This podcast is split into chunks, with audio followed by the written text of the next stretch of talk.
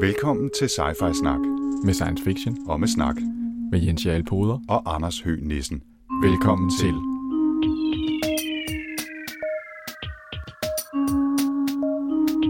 You're traveling to another dimension. A dimension not only of sight and sound, but of mind. A journey into a wondrous land whose boundaries are that of imagination. Your next stop. Sci-Fi Snak. Episode 73. Jeg lagde et oplæg øh, til, at vi kunne læse en af to bøger. Du fik udnyttet det til, at det blev to bøger. Altså sådan startede det jo ikke vel. Altså oplægget var jo, som du siger, at øh, jeg fik lov til at vælge mellem to, hvilket i første omgang er mistænkeligt, al den stund, at det jo sådan set var dig, der skulle vælge, hvad vi skulle læse, ikke? og så lægger du det over til mig. Og ja, så indrømmer jeg, at da jeg så gik i gang med den bog, jeg ikke valgte, så skrev jeg en besked til dig på Signal og sagde, skal vi ikke bare tage dem begge to? Så sagde jeg, ja sgu da. Det gør vi da. Så den her episode 73 handler om, Jamen, vi skal både læ- snakke om øh, Kim Stanley Robinsons øh, 2140 New York, og så en antologi, der hedder Sunvault Stories of Solar Punk og Eco Speculation. Det var næsten godt udtalt. Øh, Men det er under altså, selvfølgelig begge dele er under paraplyen Solar Punk. eller er det? Det er noget det, vi skal snakke om i dag. Men vi skal, som vanen øh, byder, først tale om, hvad der er sket siden sidst. Og jeg troede egentlig ikke, der var sket så meget, men når jeg kigger ned over her, så er der i hvert fald otte punkter, vi skal igennem. Sket lidt af hvert. Så, øh, så lad, os, øh, lad os kaste os ud i det. Og der står noget her med science fiction cirklen. Ja, det er, når man sådan bliver rigtig seriøs science fiction fan, så melder man sig ind i science fiction cirklen og øh, får deres blade og sådan noget, og der er jeg ikke helt endnu, men, men øh, det, det kan sagtens komme, det skal jeg slet ikke udgå, udelukke, men øh, de er faktisk meget sjovt øh, lige aktuelt øh, i gang med at samle ind til øh, historie til en antologi. Mm-hmm. Ja. Om klima science fiction. Så Nå. den skulle, øh, den skulle udkomme her en gang til efteråret. Så, øh, så kommer der altså noget på dansk, som er i samme genre som det, vi skal snakke om her i dag. Det er da... Altså nu vil jeg jo ikke love noget, men øh, det lyder da som en oplagt lejlighed til i hvert fald lige at genbesøge det Ja. på et eller andet tidspunkt. Og mens jeg lige har fat i uh, science fiction cirklen, så hvad hedder det, udgav de faktisk også en, øh, en anden antologi om for et par, et par gange siden, der havde vi jo fat i begrebet afrofuturisme. Mm-hmm. Det er åbenbart mig for tiden, det er at finde øh, sære genre, som vi skal læse. Øh, og skrev øh, Lise Andreasen ind og sagde, at vi havde glemt den aller, allermest vigtige bog om afrofuturisme, nemlig Tidstrance, som hun sjovt nok også havde været med til at vælge bøgerne til. Så, øh, så, øh, Altså men- endnu en, en antologi også. Så. Ja, og ja. også her i det her science fiction cirklen. Ja. Så øh, den øh, synes jeg da lige, at øh, altså, når man ikke er øh, ked af at sætte sig eget lys under skibet, så synes jeg da lige, man skulle have et, øh, et lille vift med sci- sci-fi snak-fanen herfra. Jamen, det synes jeg da, de fortjener også. Mm. Altså, øh, jeg er heller ikke, skal jeg sige, i åbenhedens navn, øh, medlem af sci cirklen men vil jo ikke udelukke, at det kan ske. Ej, hvor er det er da mega sejt, Så man får udgiver... lov til at, at sidde i sin, øh, sin tweetjakke med læderlapper på albuerne og Uh, bare lidt på sin ja. øh, raketpibe, ikke? I sådan Asimov-stil. Og, Ja. og snak. Jeg skulle tro, du skulle sige på Tao-stil. Det vil også være klar, klar på stil ikke?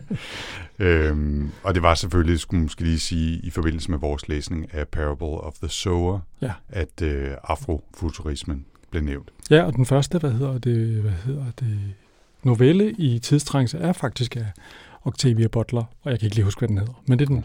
Okay. Men øh, det, det, øh, måske linker vi til det, måske kan man google sig til det. Mm? Ja, man kan nok finde det. Jeg må sige, at øh, som, som vi øh, indledte med at sige, så har vi jo fået læst hele to bøger til den her omgang sci-fi snak. Både en stor øh, antologi, novellesamling, og, øh, og så også en Kim Stanley Robinson-bog, der jo banen tro er noget af en En mobbedreng. klippert. Ja, det må man sige. Så, så det er faktisk det eneste, jeg har læst af science fiction siden sidst. Det er ikke fordi, jeg ikke har læst andet, men det har været mærkelige bøger om hjerneforskning, eller øh, øh, bøger, der foregår i Oslo i 50'erne og 60'erne, og fine bøger alle sammen, men ikke, men ikke så sci-fi-agtige. Mm. Til gengæld så har jeg startet med at øh, så har jeg startet med at se Space Force på Netflix, jo en ny øh, delvis science fiction-agtig serie med Steve Carell i hovedrollen som en firestjernet general, der bliver sat til at lede det her nye Space Force, som er det amerikanske militærs rumgren. Øh, gren. Mm-hmm. og øh, jeg ved, har du øh, kigget på den? Nej, altså jeg tænker, om man vil synes, det er sjovt at se noget, der ligesom tager pis på noget, som allerede er så absurd i forvejen. Ja, og det er måske i virkeligheden også øh, det, der er problemet. Altså, den, den, jeg har set halvandet afsnit, ikke? Mm. Og den har sine øjeblikke. Man skal afgjort kunne lide Steve Carell og hans måde at være på, hvis man skal synes, det er sjovt, for han er den klart bærende rolle. Så har John Malkovich en, en stor birolle også. Øh, Han er, han er god til at spille små psykotisk øh, øh, hvad det, videnskabsmand af russisk afstamning, ikke? og det gør han også her, eller sådan udefineret østblok afsta- afstamning, ikke? Og, øh, og det gør han også her, og altså, det, bliver en, det bliver sgu en lille smule gumbetung, synes jeg. Ikke? Der, er- der er øjeblikke, hvor jeg trak på smilebåndet og faktisk synes, det var lidt sjovt, ikke? Øhm, men, øhm, men meget mere er det nok ikke. Mm. Ja, jeg fik ja. lidt... Øh, nå. Nej, nej, så men, jeg lige komme pludselig i tanke om, mens vi snakker Netflix, så gik jeg også i gang med at se Snowpiercer. Snowpiercer, har du, du har ikke set filmen. Det er jo ham, den øh, sydkoreanske instruktør, som jeg lige nu ikke kan huske, hvad hedder, som folk nu sidder og råber til mig derude, øh, når, når de lytter sci-fi-snak. Men der blev lavet en film, der hedder Snowpiercer. Snowpiercer er et tog, som efter, altså hin- meget apropos øh, sodapunk og økospekulativ fiction og alt muligt, så et tog, der, der øh, bliver sat til at køre rundt om jorden, øh, efter klimakatastrofen for alvor har ramt, og hele jorden er, er frosset ned nærmest. Det er så den vej, det er gået der. Ikke? Og så er, er, er toget det er 1000 vogne langt, og i de forreste vogne, der bor the 1%, og så er der bagerst alle dem, der du ved, skal gøre rent, og der er plantevogne, og der er kødvogne, og der er alt muligt andet, og så sker der en masse der. Det har de nu lavet til en Netflix-serie. Nå. Og øhm, der, der kom jeg sådan 40% ind i første afsnit, før jeg måtte give op. Altså, jeg synes faktisk, filmen var ret underholdende og ret fint tænkt, men den holder ikke umiddelbart til en serie, eller, eller også var det bare ikke de rigtige skuespillere eller et eller andet. Det lød lidt ligesom uh, Hugh Howey Wool, bare vandret. det er faktisk, det er faktisk meget præcist, hvad det er, ja. Men altså igen, øh, tag, tag et kig på det. Øh, Jeg synes, det er sjovt, der bliver produceret ny, original, næsten original, øh, sci-fi, også på Netflix, så synes jeg da, man skal give det en chance. Mm. Øh, Desværre var der ikke rigtig bonus for mit vedkommende i den her omgang. Det, ja, jeg synes, det er mærkeligt, at jeg er blevet sådan en gammel mand, når, jeg, når der kommer noget nyt fantasy eller sci-fi ud, så tænker jeg, det er sikkert noget lort. Og når man tænker på, hvad man sad og så i 80'erne, altså bare der kom et eller andet, så var det jo altså, ja, Ja. så er det. Apropos, øh, jeg ved ikke rigtig, apropos gamle ting i hvert fald. Det er okay. Læs den, vores, øh, ja, sådan en slags venne-podcast, kan man næsten sige. De læser også andet end sci-fi snak. Det skal man lige, øh, det skal I lige vide. Advarsel givet. Men øh, det for ganske nylig læste de Child's, Childhood's End, Arthur C. Clarke, som vi jo læste i, hvad var det, episode? Et eller andet. Det var episode 21, så det er jo nogle år siden i 2016. De, var sådan, de gav den sådan den lidt mellemfornøjet pil opad. Okay. Det var også derfor, jeg fik, fik en genfortællelse, og ikke og tænkte, ja, det var fantastisk. Der sad jeg og tænkte, ja, det var præcis lige så lunken, jeg havde med den. Ja, det, Selvom det var sådan noget golden sci-fi, så... Ja, lige præcis. Det, det, det, det har nogle gange nogle udfordringer. Ikke? Altså, vi læste jo også Foundation igen for nylig. Ja, Og- den og kunne jeg var- godt lide. Ja, ja, men jeg havde lidt den der, ja, det var del med sjov at læse, da jeg var 12. Men knap så sjovt at læse nu i en alder af snart 50, Mm. synes jeg. Verden har udviklet sig. Ja. Og jeg glemte helt at sige, øvrigt, apropos, øh, nu kommer det til at lyde som en, en reklame for Netflix, det er det sådan set ikke. Men øh, de havde lige fået 12 Monkeys ind i kataloget for nylig. Mm. Øh, meget apropos coronatid og virus og alt muligt andet. Og den, øh, den har faktisk også 20 år på banen. Men holder stadigvæk en fantastisk film. Det er det virkelig. Og hele det der Terry Gilliam øh, med mærkelige apparater, der skal sende ham tilbage i tiden, og underlige dragter, de skal rende rundt i og sådan noget. Jeg synes simpelthen, det er fantastisk. Og Brad Pitt, han virker fuldstændig som om, han har taget billetten oveni. Han er så god til at spille sindssygt. Det er helt vildt. Øh, ja, så den, den kan klart anbefales til gensyn, eller et syn, hvis man ikke har set den før. 12 Monkeys. Apropos øh, verdensomspændende pandemier, så øh, kan vi jo først sige, at vi faktisk sidder i studie igen her, så øh, vi håber, at vi begge to klarer det gennem udsendelsen. Jeg vil lige sige, at vi har, øh, vi har hele to flasker med håndsprit, og så har vi fyldt lidt øh, whisky i glassene også for, øh, til indvortes brug. Ikke? Ja, Man skal det- ikke, øh, Men ellers, apropos pandemi, så hvad hedder det, Nebula Awards jo blevet udgivet, og det gik faktisk til en øh, pandemibog, øh, A Song for a New Day, Sarah Pinsker, Mm. mm. øh, som jo ligesom øh, i september 2019 udgav den her bog, som jo sjovt nok var spot on det, der kom til at ske, altså tre måneder senere. du har ikke læst noget? Nej, men jeg har hørt den omtalt i den nyeste... Øh, hvert år udgiver The Incomparable jo en af de værste podcasts, de siger, at øh, forberede sig til om året, der hvor de skal læse seks romaner for at lave øh, to timers radio. Ja. Øhm, Det er næsten det samme, vi har gjort den her gang. Ja, det er rigtigt. Øhm, men men den, øh, det var altså den, der vandt. Og men øh, hvad hedder de, vores venner? Ja. Med øh, How to Lose the Time War. Amal El Mohtar og Max Gladstone. Ja, de fik jo en øh, for den bedste novella, som jo er sådan en kort roman Ja. på engelsk. Det, det, var, det var også en af de ting, du ser mig, det synes jeg egentlig var meget flot. Og øh, der var du jo, så vidt jeg husker, lidt, lidt lunken på den, hvor jeg var pænt meget op at køre. Den Ja. fik øh, fem fuldfede stjerner herfra. Jeg synes virkelig, det var en stor oplevelse. Øhm, og jeg har øh, nu også allerede sat Sarah Pinskers øh, A Song for a New Day i min Mm. mm. læseliste. Den, den skal absolut øh, tages. Jeg, hvad hedder det, faldt jo øh, pladask for øh, omtalen af en anden, hvad hedder det, af runner-ups, nemlig øh, A Memory Called Empire, ja. som jeg fuldstændig glemte, øh, hvem var der skrev, men øh, bogen hedder A Memory Called Empire, og den er nummer et i serien Tix Kalan, og den øh, er til synligheden temmelig i stilen af Anne Leckys øh, Ancillary-serie, eller June Harleys øh, Nine Fox Gambit-style-serie. Okay. Så jeg tænker, altså, Ja. nu er jeg kommet igennem de to bøger.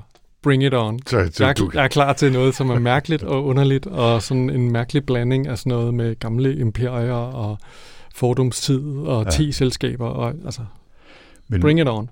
Det, det lyder også øh, spændende. Jeg vil sige, må- måske har jeg ikke kigget... Der er nogen, der prøver at komme ind i studiet. Ja. Måske Det har jeg ikke øhm, kigget grundigt nok i, i listen, men jeg synes, der var rigtig, rigtig meget fantasy. Det er tit et problem, synes jeg, med ja. Både Hugo og hvad hedder det. Men det her, det er altså, øh, det er altså benhård sci-fi. Ja, ja det, det lyder sådan, Ja. må man sige. Right, øhm, jeg går lige over, og så trykker jeg lige på den røde lampe, så kan det Ja. være, at vi slipper for flere, der prøver at komme ind i studiet. Rengøringsdamen ikke kommer ind og slutter her. Ja. Støvsuger. Ja, mens Anders her går over til øh, den røde knap, så kan jeg fortælle, at vi jo optager sci snak om aftenen, mens der her i Lydens Hus er temmelig forladt. Øh, RT går der folk forbi med støvsuger og folk, der rydder op og sådan noget. Ja, det, det giver sådan en øh, postapokalyptisk stemning at sidde her. Vi sender, mens verden står i flammer omkring os. Det, det er too soon. Det er ikke engang sjovt. Nej, Øh, men noget, der er sjovt, Jens, det er, at øh, du har skrevet uh, uh, uh i vores dokument. det er fordi, der er kommet en ny uh, Murderboard Diaries bog, Aha. som jo den her fantastiske serie, der blev utrolig upopulær for at tage 170 kroner for bøger, som var kun 120 sider lange. Men altså, det er sådan noget, jeg er helt... Øh, for det første, så er det jo en nem måde lige at booste sit øh, Goodreads-mål øh, øh, mål lidt. Men jeg var sgu også ret glad for den der, det der format, der jeg godt huske, at jeg ikke var sådan totalt vild med den, men øh, jeg glæder mig til at læse nummer 5 i serien, som hedder Network Effect. Okay. Og se, hvordan det går med gode gamle Murderbot. Jeg, jeg tænker, øh, den, den står stadigvæk på min liste, eller efterfølgerne til den første står stadigvæk på min liste, som en eller anden dag kaster jeg mig måske over dem og, og genfinder dem, eller finder noget af den glæde, som, øh, som du havde ved dem. Ja. Og så har vi et sidste punkt på siden sidst, nu Ja, altså, her vi øh, virkelig- 13 minutter inde i podcasten. virkelig, virkelig stoffet Ja. listen i dag. Det var fordi, at uh, Joe Walton har en ny bog ud, og så siger I, Joe Walton, hvem, hvem er er det? Joe Walton? Ja. Jamen, øh, hun har skrevet en bog, der hedder Or What You Will, øh, som også er lidt sci-fi med ah, måske mere fantasy. Det handler om en forfatter. Hun, er sådan under, hun skriver sådan underlige metabøger, og grunden til, at jeg synes lige, hun skal nævnes, det er fordi, at hun var jo sådan set inspirationen til den her podcast. Mm-hmm. Øh, hun udgav den bog, der hed Among Others, som er sådan et selvbiografisk værk om en pige, der minder utrolig meget om hende, Morwina, som er 15 år, og som øh, er meget mærkelig, og som har en endnu mere mærkelig mor, men er helt vild med science fiction. Og når man læser Among Others, så er det sådan en tour de force igennem hendes oplevelser med at læse, læse science fiction. Og da jeg læste øh, Among Others færdig, der, hvad hedder det, der tænkte jeg, jeg bliver simpelthen nødt til at læse noget mere science fiction. Mm. og så ringede jeg til dig en dag og snakkede om det. Ja. Skulle, skulle vi ikke lave en podcast?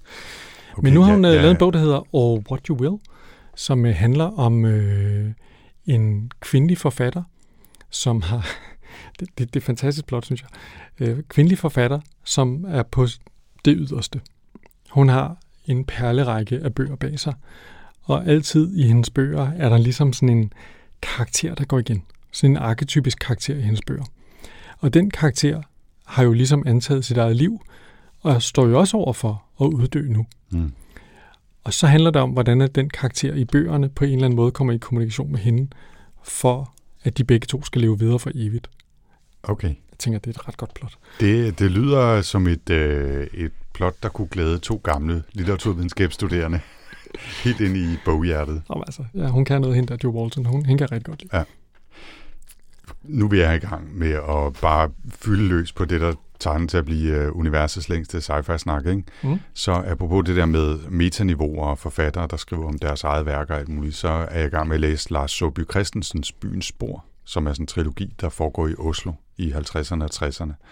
Og her i, den, i trilogi, i den tredje bog af, af trilogien, der skriver han sig selv mere og mere ind i det, og fortæller om, at han går rundt i Oslo, han, også, øh, han skal på hospitalet, og han er bange for at få en diagnose og kan og så skal han også, øh, og, og så fuldstændig sømløst glider han tilbage i at fortælle historien om de karakterer, han ellers har skrevet om, øh, som lever i nu, hvad hen mod 1970 eller et eller andet, og vil de går rundt og gør, så sådan fuldstændig sømløst over. Så på et tidspunkt, så optræder han selv som barn i øh, og møder en af hovedpersonerne, der er nede ved, i Bellagio ved, ved Komosøen og sådan noget. Altså, man sidder bare og tænker, hvordan, hvordan fanden skete det lige, at det, der startede som en forholdsvis straight historie om nogle mennesker i Oslo, blev til sådan et metaværk, hvor han fletter sig selv ind i, sådan fuldstændig ind og ud med mærkelige tråde. Det, det fungerer virkelig godt. Det er en virkelig, virkelig god bogserie, men bliver bare mere og mere mærkeligt på en fed måde. Det er ret sjovt. Nå, parentes slut. Det havde ikke en skid med science fiction at gøre. Lad os komme til, Jens, og snakke om den her uges, eller den her uges, nu lyver jeg, den her episodes to bøger. Og lad os begynde med, med det, som jo egentlig var bogen til øh, episode, hvad vi nu nåede til, 73, Sun Vault. Øh, det var dig, der valgte den, eller næsten valgte den. Ja, det var sådan lidt et, mere et genrevalg, end det egentlig var en bogvalg. Mm. Altså, jeg sad meget og besluttede mig for, at jeg ville læse noget af det her solarpunk, som jo ligesom er den her genre, som altså, er på vej op, kan man sige. Den første antologi om i genren er fra 2012 og udgivet på brasiliansk, og blev først oversat til engelsk i 2018. Mm. Øh, Sunvolt her fra 2017. Så det er sådan, det er jo noget nyere stof, kan man sige. Øh, jeg tror første gang begrebet ligesom dukker op, det er i 2008 i et eller andet manifest et eller andet sted. Men ideen med det her øh, solarpunk er jo at tage nogle af de her sociale issues og hvad hedder det klima-issues og fortælle nogle historier om en menneskehed, der har der, hvordan man koper med de her klimaforandringer og den her fremtidsudfordring, som vi, vi står overfor. Mm.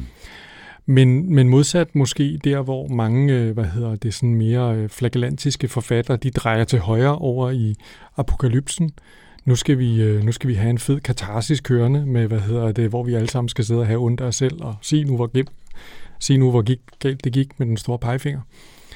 Så er det her sådan mere spekulativt over i sådan nogle forskellige miljøer, der bliver skildret, og sådan, det er ikke sådan, jeg troede måske, da jeg sådan kastede mig ind i det, så troede jeg måske, det ville være sådan noget med sådan, Nå, sådan Robinson Crusoe i fremtiden, og så øh, kan vi gøre sådan, og så har vi så mange øh, solfanger, og på denne her måde, der er 3D-printer vi alle vores mad og sådan noget. Så jeg troede, det ville være sådan meget sådan hard sci-fi-agtigt, men mange af dem er, af de her bøger, som, som vi har læst der, der Kim Stanley Robinsons bog i virkeligheden jo nok mest hard sci-fi. Mange af de andre er i virkeligheden sådan mere sådan poetiske skildringer af, af, miljøer. Det er lidt ligesom at læse sådan en Möbius-tegneserie, noget af det. Mm. Ja, der er faktisk en af dem, hvor de flyver rundt på en dinosaur, så det er meget passende mm. at nævne Möbius. Sådan meget sådan stemninger og atmosfære og, og sådan de her fortællinger, der sådan på en eller anden måde har det her element af en menneskehed, der er kommet ud på en anden side og nu kåber.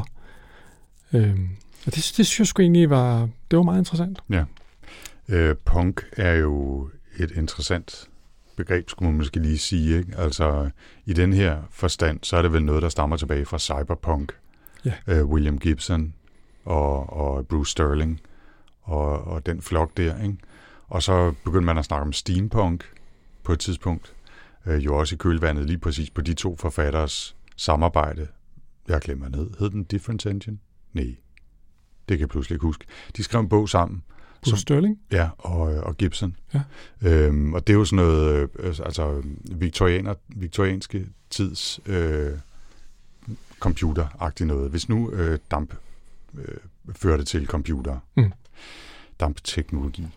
Øh, og i kølvandet på det har der så været forskellige andre punk-genre, som øh, der var en eller anden i en, i en anmeldelse af, den her Sun- der sådan ramte nogle af dem op, og, og også meget påpeger, at det er bestemt ikke alle, der er enige om de her genre, og nogle af dem er måske også bare noget, der er opfundet, som sådan et eller andet forsøg på at paketere tre-fire forskellige romaner eller noveller øh, under en eller anden fælles overskrift, og så håbe på, at man kan sælge det bedre. Ikke? Men hun nævner både biopunk, dieselpunk og nanopunk og andre punks.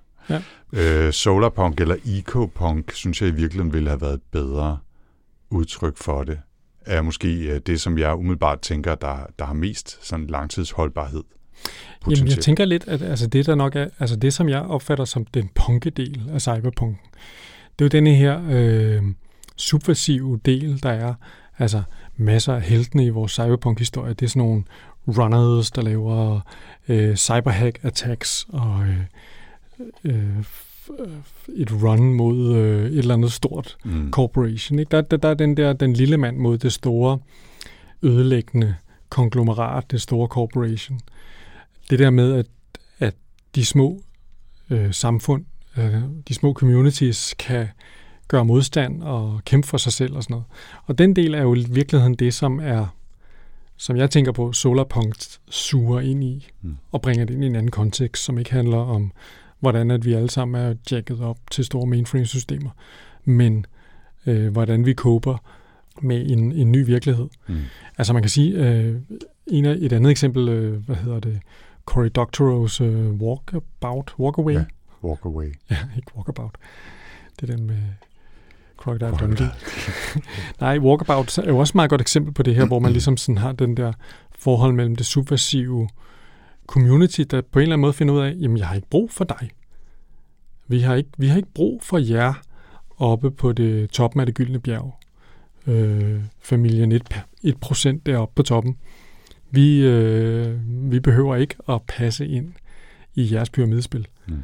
Og det, det er sådan, øh, og det er jo meget det, som også går igen i, altså ikke mindst i Kim Stanley Robinsons 2140 New York, må man sige, som jo nærmest er en, altså, en uh, Bernie Sanders, hvad hedder det, uh, Jeg skulle at sige, pamflet. jeg skulle lige til at sige meget tyk pamflet. men det er en meget, meget tyk en af slagsen. Ikke? Ja. Men, men den her Sunvolt-antologi, øh, du, du nævnte, den er i virkeligheden den anden, sådan, eller det, det er et af de to eksempler, der bliver nævnt hele tiden, og det første er en, en brasiliansk antologi, ikke, som Ja. først blev oversat til engelsk i, i 18, så efter Sunvolt. Ikke? Men Sunvolt har jo den lidt sjove historie, at det er to studerende fra et eller andet sted, Idaho, eller hvor pokker det nu var, ikke? Som, øh, som lavede en, øh, en Kickstarter-kampagne, og fik øh, altså 236 mennesker her, kan jeg se, til samlet og give lidt over 6.000 dollars, så de kunne udbe, ind, hvad det, udbetale lidt honorar til nogle af de skribenter, øh, der var, som de havde fået til at, at skrive en række korte noveller, eller lave tegninger, eller skrive digte, fordi den her Sunbolt er jo ikke en bare i gåsøjne en, en antologi af noveller eller essays. Den, øh, den består af 19, tror jeg det er, øh, noveller, kortere eller længere. Ingen særlig lange. Jeg tror, den længste er måske, tager måske 20 minutter at læse, eller noget Mm. den stil. Ikke? Øhm, og så er der en række sådan små hapser imellem, som er digte eller små sådan et-sides øh, grafikker, øh, tegninger, noget af den stil. Ikke? Øh, så, og, og, og det er noget, som de gør meget ud af at, at sige, og øh, også i Wikipedia-artiklen om Solarpunk står der beskrevet, at det, det er ikke bare en litterær genre, det er en, en, en kunstgenre, ikke? Altså, som både kan være ja, netop grafisk kunst, eller film, eller øh, billedkunst af forskellige slags skulpturer, noveller, romaner, hele balladen. Ikke? Og det synes jeg egentlig er meget sjovt, hvor, hvor nogle af de andre genrer tænker man måske i højere grad på, som noget, der primært er litterært. Ikke? Jo, Og det noget, der er meget sjovt ved den her, det er jo ligesom, at vi måtte... En af grundene til, at vi endte i den her antologi, var jo fordi, at det er faktisk ikke så nemt lige at finde noget, der sådan ligesom har, du ved, sådan et stempel, hvor der står 100% solarpunk på sig på forsiden. Kutunk. Ja, altså, der er, jeg fandt to-tre antologier på, øh, på engelsk. Øh, Solarpunk Summers var der også en, der hed. Mm-hmm. Øh, men ellers så er der jo rigtig mange romaner, der ligesom bliver retroaktivt øh, indlemmet Mm.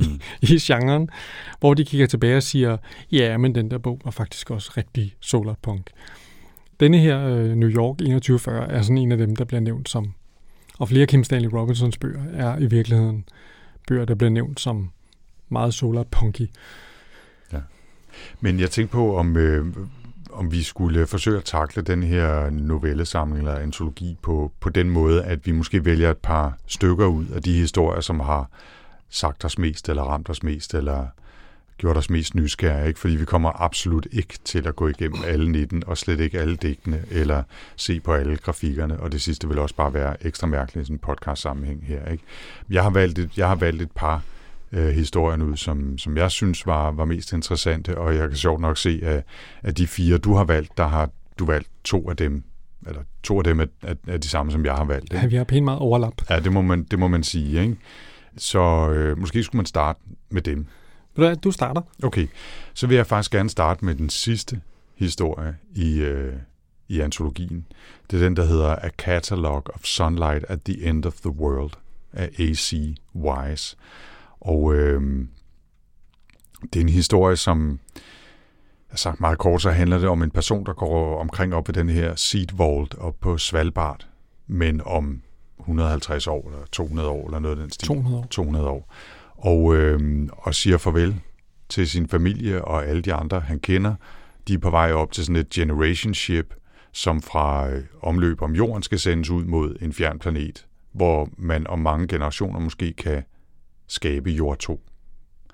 Men han har valgt at blive øh, og, og går og siger farvel og laver så som en del af det et katalog over forskellige måder, sollyset har set ud på på forskellige tidspunkter i, i sit liv. Og den er utroligt stemningsfuld Mm. og, og virkelig en smuk historie. Øhm, den minder mig lidt om en blanding af den film, der hedder Sunshine. Du har set den, hvor de tager op for at fyre en allerhelvede stor atombombe ind i hjertet af solen for at genstarte den. Øh, sindssygt flot og stemningsfuld film. Og så den der, øh, som vi også har læst, som jeg lige pludselig ikke kan huske, øh, øh, den der er blevet filmatis- filmatiseret oh, med Arrival. ja, Arrival, Ja. og romanen hedder Story of Your Life. Story of Your Life. Tak skal du have. Den minder mig lidt om, om det. Altså, der er sådan noget af den samme stemning i for Sam- mig. Melankoli, samme melankoli. Lige Og, præcis. Lige præcis. altså, meget, meget fin historie. Ja, det synes jeg. Og, og den, jeg var sådan lidt parat til at, at være en lille smule sådan frustreret over at pløje mig igennem sådan en lang række af forskellige øh, noveller, og synes, det hele blev lidt fragmenteret, og havde sådan lidt, lidt svært ved at skabe et overblik over, hvad jeg egentlig synes var godt eller ej. Så det var, det var virkelig lækkert at, at slutte på, på det, som jeg basalt set synes var, var samlingens allerbedste historie. Det er måske også med overlæg, den ligger der, det ved jeg ikke. Du har den også på listen. Yes. Mit uh, nummer to her, der uh, jeg har læst uh, The Desert Blooming i uh, Sunvault. Mm. Mm. Som, altså, der må man sige, der er vi jo mere sådan action-packed. Der, mm-hmm. der, der kigger vi fremad. Uh, og, og det, det er en novelle af en, en, en, der hedder Lev Mirov. Men altså, vi er jo i virkeligheden på en jord, som er ramt af klimakatastrofe fuld hammer. Og de her mennesker, de kæmper ved at skulle plante træer. De har sådan et helt samfund, der er bygget op omkring, hvordan de gror og planter træer og prøver at reclaime. Det er sådan helt... Øh, jeg, jeg tænkte, det, var, det her det er fuldstændig Frank Herbert. Vi er ude i sådan nogle sandstorme. De kæmper for at gøre deres planet grønnere igen. De har sådan en helt øh, militæragtig måde at være på, fordi de alle sammen skal være stærke og, øh, og pligtopfyldende. Mm. Så det var meget, øh, en meget fin lille historie. Jeg synes, at den, øh, det der med ligesom endelig at få nogle freminer på, øh, på jorden, øh, synes jeg var meget fint. Den kunne, Ja. jeg, den kunne jeg bare godt lide. Jeg synes, der var en god stemning i den. Øh, og den var... Det var, da jeg nåede til den, så begyndte jeg at tænke, Nå, men det var noget af det her, jeg havde forestillet mig, efter at have læst måske 10 noveller, hvor jeg tænkte, ja, okay, er det her solarpunk? Nå, Ja, okay. ja. Ja, den, den fornemmelse sidder man også lidt med nogle af dem, ikke? Jo. Altså, øh, jeg tror, den, den første... Er det den første historie i bogen, som, som handler om sådan nogle luftskibe, øh, hvor der er en, en af kinesisk afstamning, der driver omkring på sådan et øh, luftskib og, og øh, drikker ris, øh, havregrød, ikke? Jo. Risgrød må det vel så være, ikke? Congee. Øh, og kommer i kontakt med et andet luftskib, og man tænker, ja, altså, det er måske solarpunk i den forstand, at det foregår 100 år efter en, øh, en eller anden økologisk øh, katastrofe, ikke? eller klimakatastrofe, men, men derudover så ved, ved jeg ikke rigtigt, om, om det er sådan noget, jeg vil sætte det der 100% solarpunk punk, punk stempel på, vel? Men der er nogle historier af den slags, ikke? og så kommer man netop til, til et par stykker, hvor man tænker, nå ja, nu begynder det at smage noget. Vi, vi er over i den her stil, ikke? Og, mm. og det, min, mit, øh, min anden favorit, øh, Solar Child, af Camille Myers, øh, er også lidt i samme stil, og den handler basalt set om en, en, øh, sådan en, en ø-koloni, hvor man har dyrket, øh, og jeg mener dyrket et, øh, et barn med øh, evnen til igennem sin hud at øh, omdanne solenergi til energi i, i kroppen. Altså, øh, og det er selvfølgelig en værdifuld ting at kunne i en fremtid med knaphed, men til gengæld masser af varme og sol. Det er også og der, hvor de flyver på øh, dinosaurer. Ja, det gør de nemlig, og det, det, det giver selvfølgelig lidt ekstra bonus. Ikke?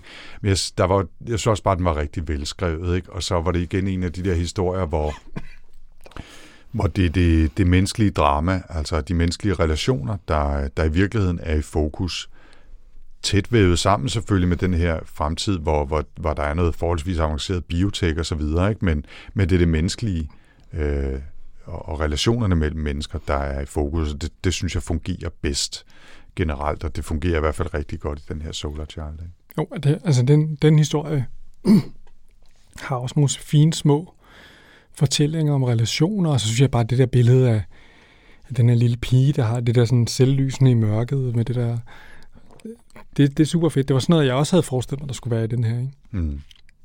Jeg kom, jeg kom til at tænke på Oryx og Craig, og de der Craigere, som er blevet biomodificeret til at kunne leve. Ja. øhm, I Margaret Atwoods uh, Oryx og Craig. Ja. Du har en også, der hedder The Death of Pax. Ja, det var en, underlig, en meget, meget underlig historie. Ja, det var det. Mm-hmm. jeg, jeg ved ikke, om jeg synes, den egentlig overhovedet passede ind i genren, men det var meget interessant det var en af de der tidligere, øh, tidlige øh, historier, hvor man så havde tænkt, ja, okay, er det det der solarpunk? øh, men, men basically så har vi, så kunne, altså det er sådan et naked lunch møder science fiction, mm. med en øh, forsker, som er, har spist sådan en lever, som en, en underorganisme på sådan et kæmpestort væsen, der hedder Pax, mm. som er sådan en slags bioengineered alien-race, som som mennesket, øh, øh, de mennesker, som, som ligesom har, har mødt Pax her, det, de, de er i omløb og undersøger, og hvad hedder det, øh, udforsker og prøver at forstå Pax. Og nu har med hovedpersonen, han har åbenbart lidt fusket lidt med noget forskning, fordi han gerne vil gøre indtryk på, på hvad hedder det, lederen af ekspeditionen.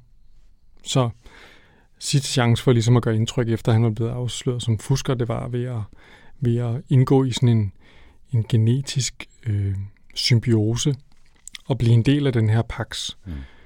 Og hele, hele den her pax-idé er, at de her kæmpe væsener, de, hvad hedder det, indoptager andre raser ved ligesom at lade dem, i det her tilfælde, sluge nogle orme, som så ligesom indgår i noget symbiose med kroppen. Øhm, og så bliver man et nyt slags væsen. Og det har menneskeheden sagt, prøv at, det er ikke noget for os. Øh, men det tyder på, at øh, der kan være noget i det. Øh, men det er sådan, den er meget, meget speciel, og minder, ja, ja. altså apropos det med Möbius der, altså det kunne også være sådan noget, hvor jeg sidder og ser sådan nogle Möbius-tegninger, og Möbius-landskaber. Øh, det minder også lidt om, øh, hvad hedder han, øh, Miyazakis, øh, er det nu, han hedder, han, en af hans første tegnefilm. Mm, nå, det kan jeg ja. huske. Men der er også en med sådan nogle kæmpe store, mærkelige billevæsner, som menneskene ligesom kravler rundt på og gør ting med. Ja, ja. japansk anime. Ja, øhm, det, var, det var en af de historier, jeg havde lidt svært med, må jeg sige. Altså, jeg kunne godt se, at den måske havde noget fantasi og noget, noget anderledeshed og noget et interessant take på det. Fantasifuldt i hvert fald. Mm-hmm. Men, men den, den fik mig aldrig. Og så vil jeg sige, der er en, øh, en historie, der hedder Dust, øh, som foregår, jeg kan knap nok huske det, på en asteroide, og der er sådan en eller anden uh, gender-switching uh, ting, der skal på nærmest på sådan en selvmordsmission, et eller andet i kamp med en hel masse andre, og, og den bliver nævnt flere gange som den, der sådan var alvor for den her samling til at løfte sig, og der, hvor folk for alvor synes, at de fik noget at tænke over. Jeg, jeg synes også, den var lidt kedelig Ja, og lidt det var mærkelig. ikke mig. Ja, nej, det var heller ikke mig. Skal ikke må sige, at øh, der var et af digtene, jeg har generelt nok behandlet de her digte lidt stedmoderligt, ikke? Øh, jeg har ikke brugt sindssygt meget tid på dem. Øh, men der var et digt om giraffer, og giraffer er jo altid sjove, og så er det kort. Øh, det hedder The Solar-Powered Giraffes. The sleek machines traverse the land like gilded towers. Their footsteps enrich the soil, their tongues purify the water. Sådan. Giraffer er bare altid sjov. Mm. Jeg ved ikke, Jens, om vi skal give karakter til Sunvolt nu, eller om vi skal gemme det og give karakter fælles til sidst. Ej, lad os gemme det til senere. Okay, det gør vi. Så synes jeg, vi skal gå videre til Kim Stanley Robinsons øh, 2140 New York, som jo øh, var, var den bog, jeg havde mulighed for at vælge, og som jeg ikke valgte, men så bagefter sagde, ej, den, nu var jeg kommet til at gå i gang med den, og jeg synes faktisk, den var ret god, så skulle vi ikke bare tage den med og snakke med den også. Så lad os i hvert fald give den et par ord med på vejen. Det er jo noget af en mobbedreng, og derfor ikke noget, vi kommer til at, at gå igennem i dybe, dybe detaljer, tænker jeg, fordi der sker virkelig, virkelig meget. Men hvis jeg lige skal sætte den op kort, så foregår den jo i 2140 i New York, og øh, det er efter to kæmpestore, kolossale, globale klimakatastrofer, som de kalder pulse, eller pulses. Øhm, og New York står nu stort set mestendels under vand, i hvert fald til langt op på Midtown. Mange skyskraber er blevet vandsikret, mange bygninger er blevet vandsikret med sådan noget nanocoating og, og diamantcoating og ballade, så man kan godt bo i dem. Og, øh, og så sejler man rundt i gaderne, i stedet for at køre rundt i gaderne, og så fungerer byen egentlig sådan på jævlervis øh, på mange måder alligevel. Der er stadigvæk et finanscentrum, øh, der er stadigvæk folk, der bor på gaderne, der er stadigvæk masser af kultur. Øh, så er der den her intertidal zone, hvor der, øh, når der er lavvand faktisk, øh, så kan man gå der og, og bruge det til noget. Når det er højvand, så står det under vand.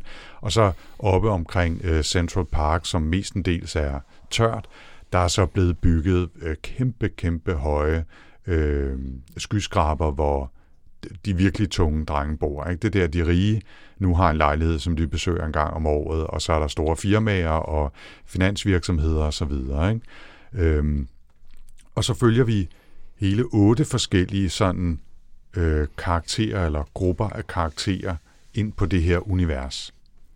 Og, øh, og følger dem over nogle år. Og vi kommer i, rundt om en hel del ting, skulle jeg hilse at sige. Ikke? Der er både en skattejagt under vandet, øh, der er et opgør med den globale kapital, der er øh, transport af isbjørne fra Nordpolen til Sydpolen med luftskib. Der er folk, Og- der bliver øh, bortført og dumpet i havnen i container, men bliver fundet igen. Ja, det, altså, der, der sker virkelig noget her, ikke? og det er fire, eller det er otte meget forskellige vinkler. Altså, det, det er for, forskellige fortællere eller personer, der er, og nogle er jeg-fortællere, andre bliver fortalt om i tredje person og så videre. Det, så det er sådan, at den der ensemble-roman, ikke? men hvor den så ovenikøbet også blander fortællerblik på, og jeg synes, øh, det er ret fantasifuldt. Mm.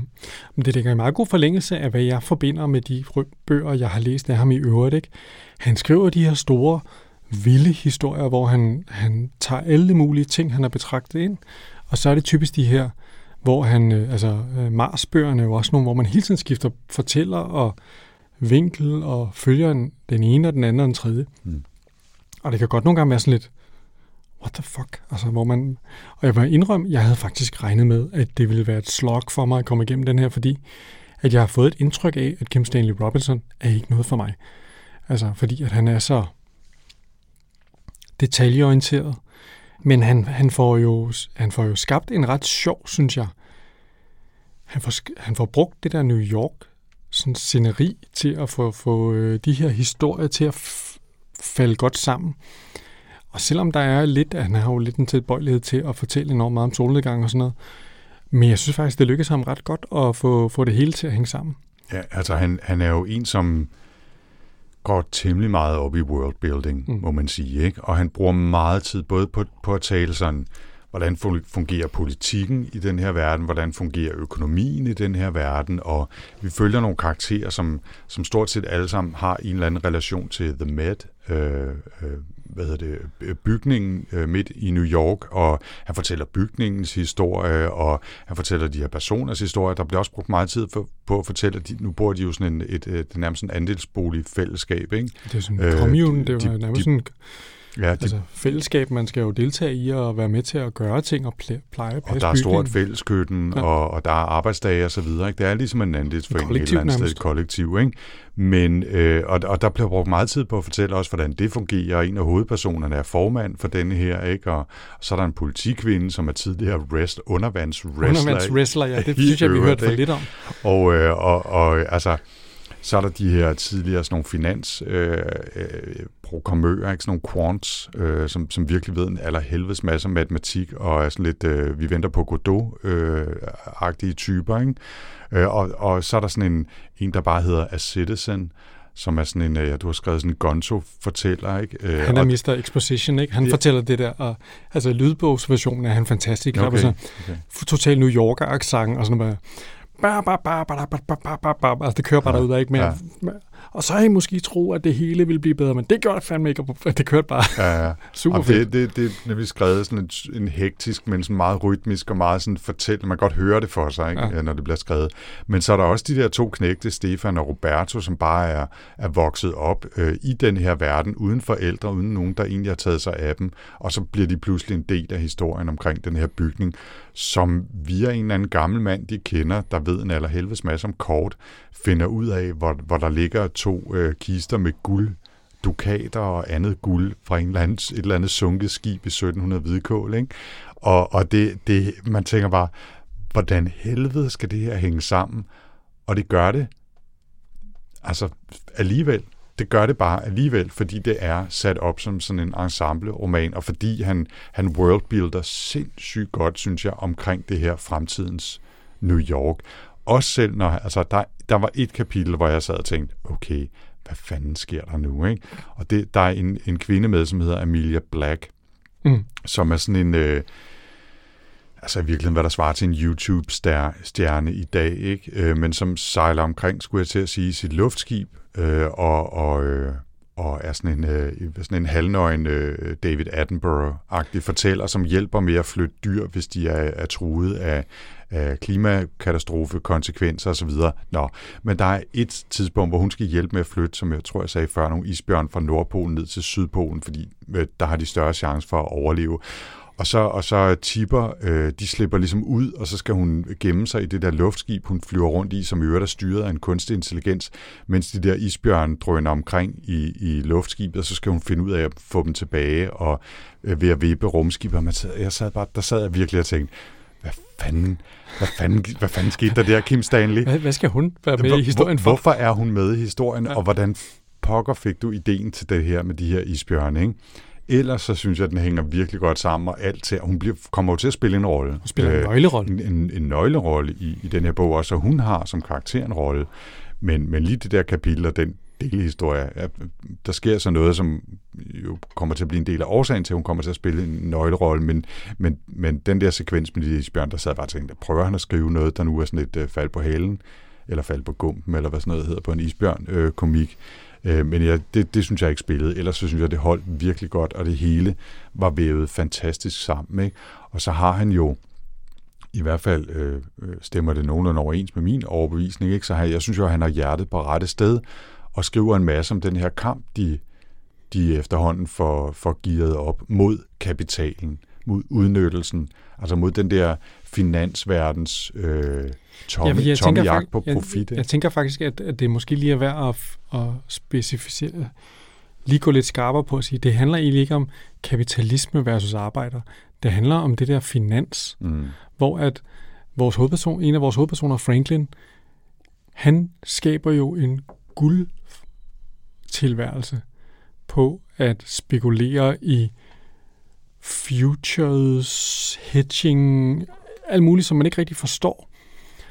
Og det går jo også op for en, at, øh, at hele den der idé om, at det ligesom har, været, altså, har nogen værdi, det, altså, det, det er jo helt, altså, det er fuldstændig abstrakt, den, øh, den værdiskabelse af det der. Men gamet er jo bare rigget sådan, at al penge, det flyder i retning af folk, der arbejder med finans. Mm.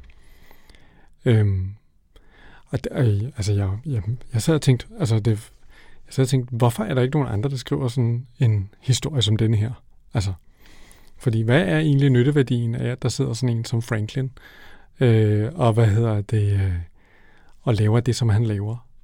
Altså, og han er jo fuldstændig kontrasteret af Vlade, som er vores øh, slaviske visevært i The Met, med hænderne skruet rigtigt på og, og hjertet på rette sted, og som altid er rar og redder folk og ordner ting. Ikke? Mm.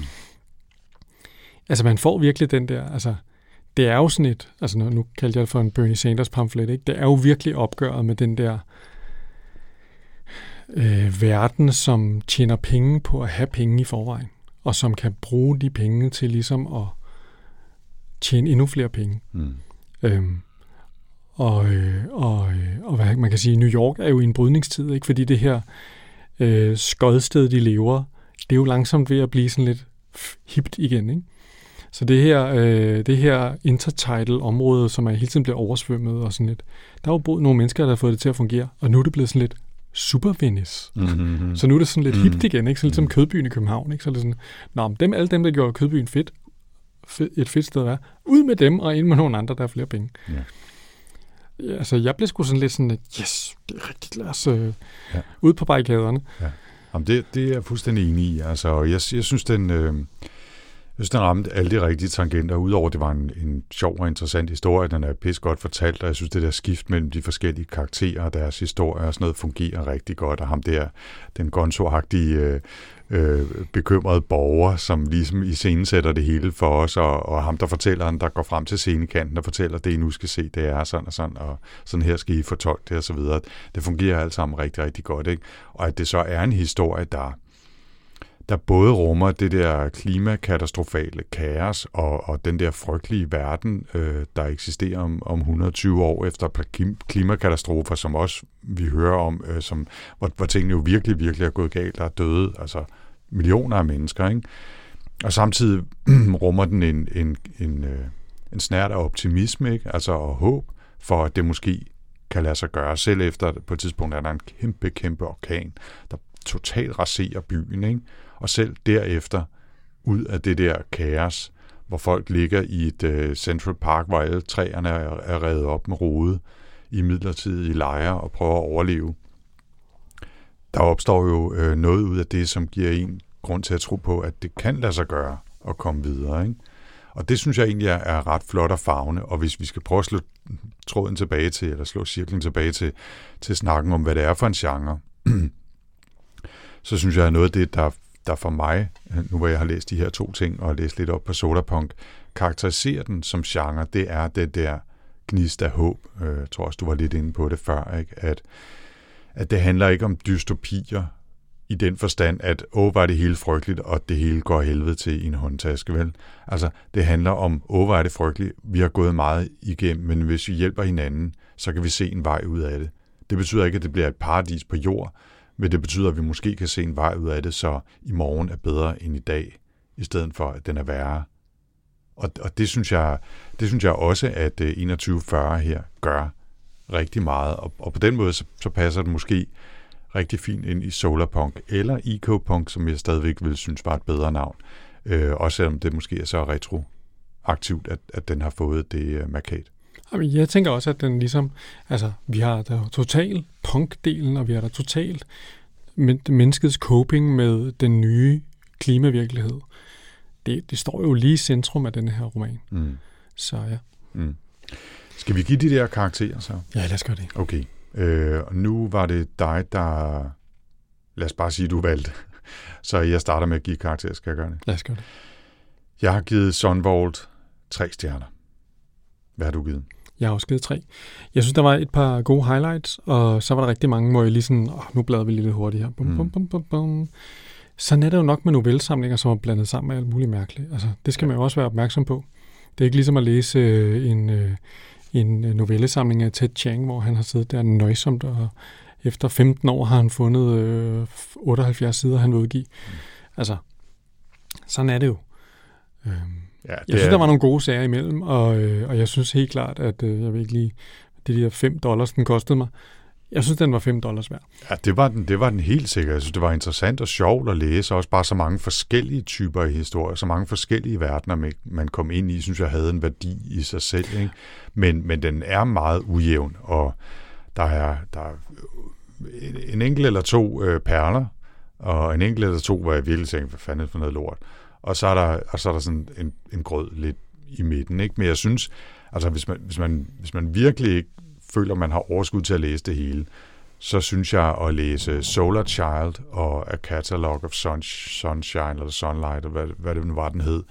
De to er i virkeligheden alene pengene værd. Så mange penge er 5 dollars jo heller ikke. Vel? Så, så at læse de to, og så måske et par andre, det synes jeg er rigeligt er det værd. Også, øh, man kan bare sige, altså, det der er det sjove ved at læse novellesamling, det er jo det der med, at man får nogle nye idéer, eller man, man bliver udsat for nogle, nogle anderledes i måder at fortælle historier på. Det synes jeg, den levede op til. Om jeg synes ligesom, at den om det ligesom var lige så mesterligt som en novellesamling af Ken Liu, eller slet ikke, vel? Slet ikke, vel? Der var slet ikke det der sådan, hvor man sidder og tænker, holy shit, hvad har jeg lige læst? Nå. Og hvis jeg, hvis jeg lige må, undskyld, hvis jeg afbryder, hvis jeg lige må sætte fingeren på, på et ømt punkt med den her, og vi har måske også været lidt inde på det før, så er det, at hvis det er en antologi, der skal vise mig, hvad solarpunk er, så fejler den også i hvert fald noget af vejen. Eller også så har jeg bare en en lidt for snæver idé om, hvad solarpunk er. Jeg synes, der er lidt for mange ting, der strider i lidt for mange retninger til, at jeg sidder tilbage efter at have læst den her og tænker, nå ja, men solarpunk, det er det her. Og det er måske, fordi der ikke er nok, eller fordi det er meget større, mere vidt forgrenet og mange facetteret begreb, end jeg lige havde forestillet mig.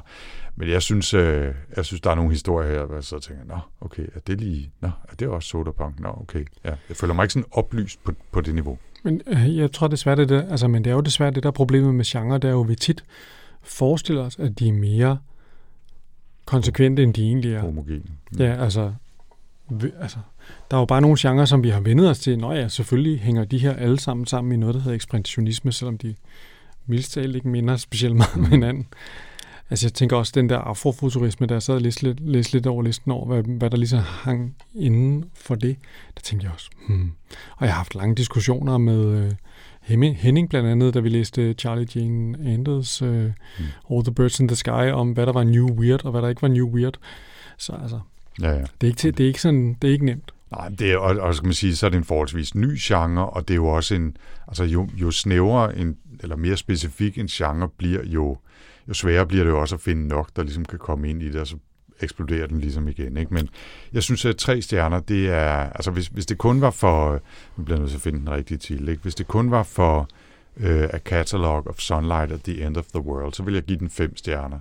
Men der er så meget andet, og jeg synes, den er lidt ujævn, ikke? Så, så den havner på, på tre. Mm.